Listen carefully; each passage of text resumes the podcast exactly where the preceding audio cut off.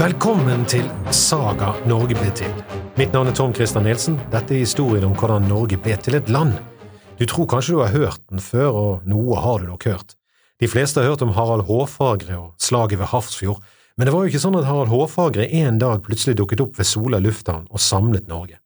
Det er en lang ferd fra Harald blir født til han seiler inn Hafrsfjord. It's one small step for man, one Vi må starte med begynnelsen, og begynnelsen det er Ragnar Lodbrok. Han er en far som er misunnelig på sine sønner, han har en magisk skjorte, det dukker opp noen slanger og noen sønner ute etter blodhevn. Kort og godt en skikkelig røverhistorie. Vi skal også hilse på den virkelige Gandalf, både den gamle grå og den unge og hans sønner.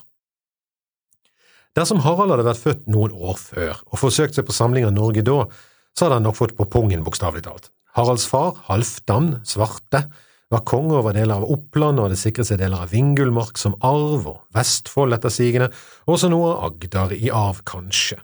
Gjennom sin kone hadde han også gode utsikter til å få kontroll over Sogn, og fikk det etter hvert. Vingulmark-delen, ja ja, Vingulmark eh, kjenner du kanskje ikke igjen, men det var én av tre deler av det som da var kjent som Viken, og besto av deler av Østfold, Oslo og Akershus, og nordre deler av dagens Vestfold. Halvdan fikk det som ser ut til å være den vestlige delen av dette etter kamp med kong Gandalf. Han var altså en stor småkonge blant mange andre i det som skulle bli Norge. Men i sør satt en makt han ikke kunne utfordre. I resten av Viken, søndre Østfold, dagens Bohuslän og sørlige del av Vestfold og Telemark, der satt danskene. Dette var dansk land på denne tiden. Men Danmark var heller ikke blitt til ennå, så danene på den tiden, det var Ragnar, og han var sannsynligvis norsk, men det var som dane han var kjent, så han var en slags danske fra Norge. Ragnar er så kjent i de norrøne historiene og kildene at det er svært sannsynlig at han fantes, men som så mye annet i denne historien, dette er historier fortalt fra skald til skald over flere hundre år. Noen har glemt og noe lagt til, men vi har noen holdepunkter. Ragnar var datidens supervakt i Norden. Han omtales tidvis som konge av Danmark og styrte sannsynligvis over Nord-Danmark, Viken og sørvestlige Sverige. Tilnavnet ble kjent under var Lodbrok. Lodbrok kan bety lodden bukse og antyder at han hadde en rustning av dyreskinn. Men det kan også bety noe mer illevarslende, nemlig skjebnebanner. Ragnars banner var en ravn. For norrøne mennesker på denne tiden var det et tydelig varsel, et slags omen. Når de så Ragnars ravn, visste de at en ravn betydde dårlig nytt, det var et varsel. Dette var felles forståelse i hele den nordiske kulturen og knyttet til Odins ravner Hugin og Munin. Så man dette banneret på bakketoppen, slo det redsel i alle som så det. Man visste at sverd og ild kom bak det. Dette banneret skulle til slutt også varsle ulykke for Ragnar, men så langt er vi ikke kommet ennå. Dette blir også Harald Hårfagrets banner, og det tyder på at i hvert fall Harald visste om Ragnar. Ragnar satt på denne tiden trygt i Viken, nord for ham satt Frenda, kong Gandalf i Vingulmark var navnebror av trollmannen i Ringenes herre, men han hadde en oldefar som han også delte navn med, og som også var Ragnvalds morfar, eller Ragnars morfar. Det var slett ikke uvanlig med slike slektsforhold og giftermål for å sikre allianser, men det var nettopp det. Selv om vi mangler kilder, var dette sannsynligvis allierte av Ragnar. Hvorfor skulle han ellers la de være i fred? Etter alt å dømme kunne han lett ta de med sine ressurser.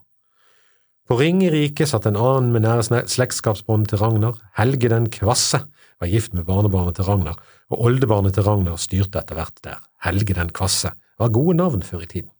Disse småkongene fungerte mer eller mindre som en buffersone mot Halvdan Svartes rike. Det ga Ragnar mulighet til å dra på ferie til Syden når han følte for det, og i 845 følte han for det, og han tok med hele familien. Ragnar var altså mektig, og hvor mektig viste han, viste han i dette året. Da samlet Ragnar 120 skip og 5000 mann, og han drar til Syden og tar en skikkelig fest. Han seiler sør til Seinen, herjer Rouen og seiler videre opp Seinen. Den 28. mars sitter kong Karl den skallede, vel, det var ikke alle navn som var så kule før i tiden, Karl den skallede satt også ut av vinduet, og plutselig går det kaldt nedover ryggen på han. Ut av elvetåken på scenen kommer dragehoder, og langs elvebankene kommer fremmede krigere og beleirer og okkuperer Paris. Hans egne soldater flykter i vill redsel når de ser hva disse menneskene gjør med fangene sine. Karl den skalde han holder på å gjøre i buksene av redsel, og han ender opp med å gi Ragnar om lag to og et halvt tonn sølv for å ta med seg partyfølget sitt og dra sin vei. Ragnar takker og bukker og herjer ned seinen igjen med sølvet på slep, og seinere skulle dukke opp nye vikinger og gi navn til denne regionen ved seinens munning, men det kommer seinere. Ragnar kommer hjem, og Ragnar er grunnrik. Metoden hans med å dukke opp og true med død og fordervelse, for så å få betalt for å dra igjen, ble etter hvert en vikingstandard. Så vikingstandard at engelskmennene fortsatt har et eget begrep. I tillegg til å kalle sånne ting for ransom for det de måtte betale, så har de altså et ord som heter danegeld, danegeld eller danepenger. Og danepenger ble det mye av etter hvert. Etter at Ragnar dro hjem, fortsatte sønnen hans med familiebedriften. De plyndret, de ranet, og de krevde Danegeld eller Danegeld til den store vel, vel, sølvmedaljen, for det var sølv de ville ha. Det var det som var gangbar mynt, gull var pynt. Så stor suksess hadde sønnen at Ragnar begynte å bli litt misunnelig. Byttene ga rikdom, rikdom ga makt og ry og innflytelse. Misunnelse er som kjent sterkere enn seksualdriften, særlig for litt aldrende menn, så nå bestemmer han seg for å ta en ny tur etter gammelt. Han føler at sønnen er i ferd med å vokse ham over hodet i ry, her må noe gjøres. Og Ragnar gjør det Ragnar gjør best, han gjør seg klar til å sette de på plass med nok et spektakulært vikingtokt. Og han gjør som vikinger gjør, han bygger seg et skip. Ikke bare ett skip, to store knarrer med ekstra høye sider for å kunne bære ekstra mange krigere, 250 mann i hver skip. Det er lite i forhold til de 5000 fra franskereidet i ungdomstiden, men dette er en styrke som skal komme overraskende på og dra raskt igjen med bytte. Men så sier konen nei. Ragnar, disse skipene er altfor høye, du kommer jo til å knekke både bein og armer når du skal hoppe derfra ned på stranden, gamle mann, hadde det ikke vært bedre med flere og lavere skip, universelt tilgjengelige? Ragnvald er en gretten gammel gubbe på dette tidspunktet som akkurat har kjøpt seg to nye, flotte båter, og han nekter plent å legge de i bøyen. Hei, jeg har jo disse store, flotte og nye, og så ber du meg ta konebilene, småbåtene, de er jo bare som livbåter å regne, no can do, min kjære, jeg skal røyde med stil, alle gutter er enige. Konen Aslaug blir skikkelig sånn passiv-aggressiv og snørt. Ja ja, du hadde nok hørt på meg den gang jeg var ung og pen, men dra nå ikke ut uten redningsvest, gamle mann. Hun gir ham en skjorte som er forhekset eller galdret over, som han sier, og den skal beskytte han slik at han ikke kan få banesår så lenge han har den på. Trodde hun på det? Trodde Ragnar på det? Kanskje det var en flytevest han fikk, eller kanskje dro han bare skjorten over ringbrynjen. Men happy wife, happy life, Ragnar skjønte tegningen, tok på seg redningsvesten for å blidgjøre konen og dro av sted. Han skulle få bruk, både for flytevest, ringbrynje og magisk skjorte, for denne gangen går det galt. Det går skikkelig galt. Utenfor East Anglia, som det nå heter, kommer de ut for en storm, en skikkelig en og de store, flotte, høye, nye stoltheten hans, de strander og knuses til pinneved mot den engelske kysten. Ragnar berger livet sammen med en del av sine menn, men nå er de i trøbbel, de er i skikkelig trøbbel, for kong Ella i East Anglia, han ser dette som en sjanse til å ta hevn, han har opplevd nesten hundre år med kontinuerlig plyndring fra vikinger. Han aner ikke hvem disse karene som er skipbruddene på stranden er, men de er vikinger, og han tar ingen sjanser. Kanskje ser han også muligheten for et rikt bytte fra skipene, slikt som reker i land er jo finnerens eiendom, selv om kanskje en må kvitte seg med brysomme og overlevende tidligere eiere. Han har ingen problemer med å samle en hær for å ta hevn på vikingene, og kanskje få litt bytte istedenfor selv å bli plyndret. Men hæren til Ella er ikke akkurat elitesoldater. Ragnar og hans menn derimot de er profesjonelle krigere og har vært ute en vinternatt før, og de biter overraskende godt ifra seg på stranden. Til slutt blir imidlertid hjemmebanefordelen likevel avgjørende, og Ragnar blir tatt til fange. Han blir hentet til forhør hos kong Ella. Hvem er du som har kommet her med en liten diger hær og gjør strandug i mitt land og dreper mine menn?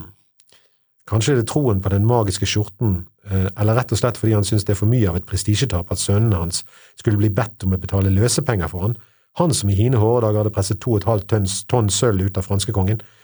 Men Ragnar er taus som en østers. Nei, sier ingenting, mine lepper er lukket, sier ingenting, zipp! Ella lokker og Ella truer, men Ragnar er en østers. Til slutt må Ella gjøre noe for at de skal bli pinlig, og det han gjør, er at han kaster Ragnar i ormegraven for å se om det kan løse på tungebåndet. Hva som gjorde at Ella kom på den briljante ideen, vet ingen, men han tenkte kanskje det som så. Vi kaster ham i ormholdet, og når han ser slangene, the adders, så skremmer det nok tungen på glid, så haler vi han opp før det går galt. Da kan det fortsatt være noe å tjene på dette for oss. Men Ragnar er ikke redd for ormer. Han har drept lyngormen, må vite, det er en annen og eldre historie, og han har sin magiske skjorte. Ormene biter ikke på han. Ella og østanglerne undres over hva slags type dette er. Han er like taus, men slangene kryper nærmere og nærmere. En av ormene biter til. Men Ragnar vører det ikke. Skjorten beskytter han. Kom igjen, slimete kryp, dere biter ikke på meg. Det er noe med den skjorten. Ragnar står like taus, og slangebittene ser ikke ut til å gjøre skade. Til slutt drar de han opp, stripper av han skjorten og forsøker igjen å kaste han uti. Nå ser de at slangene får tak på han. Ragnar kjenner giften og bittene som gjør det av med han. Da løsner tungebrunnen. Til de grader. Han starter og sier Joggum ver med gjør vi, hardt vi hogg med sverdene. Og nå leverer Ragnar etter tradisjonen et dødskvad på 29 vers av 10 linjer, til sammen 219 linjers kvad med hele sin livshistorie. Det, at, det sies at livet passerer i revy når du dør. Ragnar han tok tydeligvis ut manus for hele revyen, med tekst. Hans siste ord er grynte ville grisene om de visste hva galten led, og med det mener han at hans sønner vil nok ikke bli særlig glad når de hører hva som er skjedd med faren. Og nå er det Ellas tur til å være målløs. Han skjønner nå hvem dette er, og ikke minst vet han godt at denne mannen har mektige sønner som vil ha en høne å plukke med sin fars morder. Han kjenner kulden gripe om hjerteroten. Du vet, den følelsen vi alle har hatt, der vi ønsker å kunne skru tiden tilbake og gjøre dette en gang til for å gjøre det rett. Shit, shit, shit, what the fuck have we done, this is gonna be hell! Og det blir det. Nå bryter helvete løs.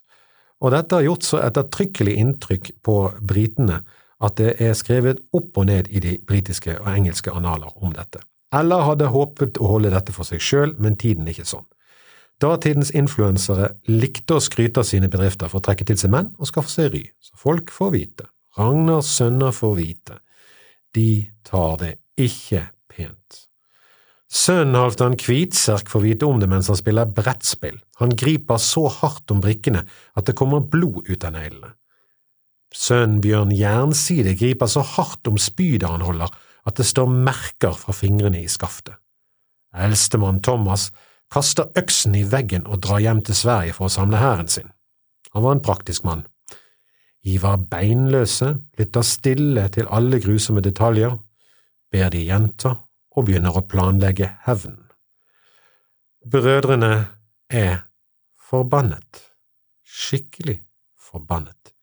Du kødder ikke med lodbrokene. Kanskje hadde Ella håpet at det ville bryte ut strid mellom brødrene om arven etter faren, men alle håp er forgjeves. Her er det blodhevn som gjelder, men denne blodhevnen skal bli til noe større, for brødrene tar ingen sjanser. Brødrene samler alt som kan krype og gå. En hær som etter tradisjonen er på 30 000 mann. Det er helt usannsynlig at den var så stor, men at den er større enn en vanlig vikinghær, det er det liten tvil om. Dette er ikke et vikingtokt, dette er en invasjon. Til sammenligning var det sannsynligvis ikke mer enn 3000 mann totalt involvert i Olav den helliges kamp på Stiklestad, og på denne tiden var 350 mann en stor hærstyrke i Norge. Men at Ragnars sønner samler en svær gjeng, det er utvilsomt.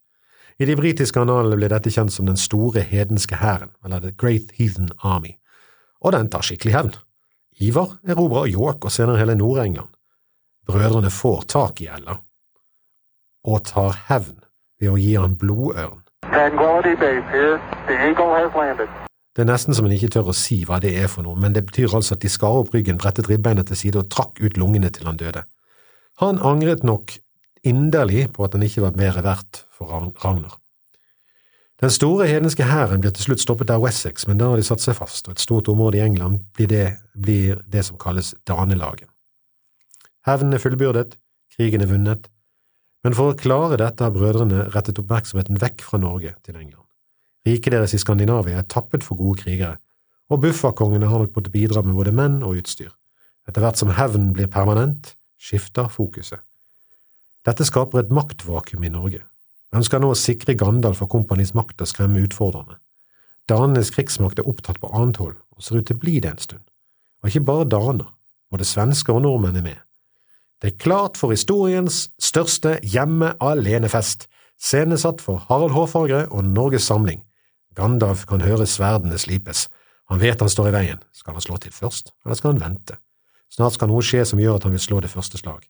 En morken is på Randsfjorden skal tenne gnisten, og Gandalfs sønner skal stå i første linje. Det var første, historien av, eh, første episoden av Saga Norge blir til. Du kan sende spørsmål og kommentarer til tom.christer.gmail.com.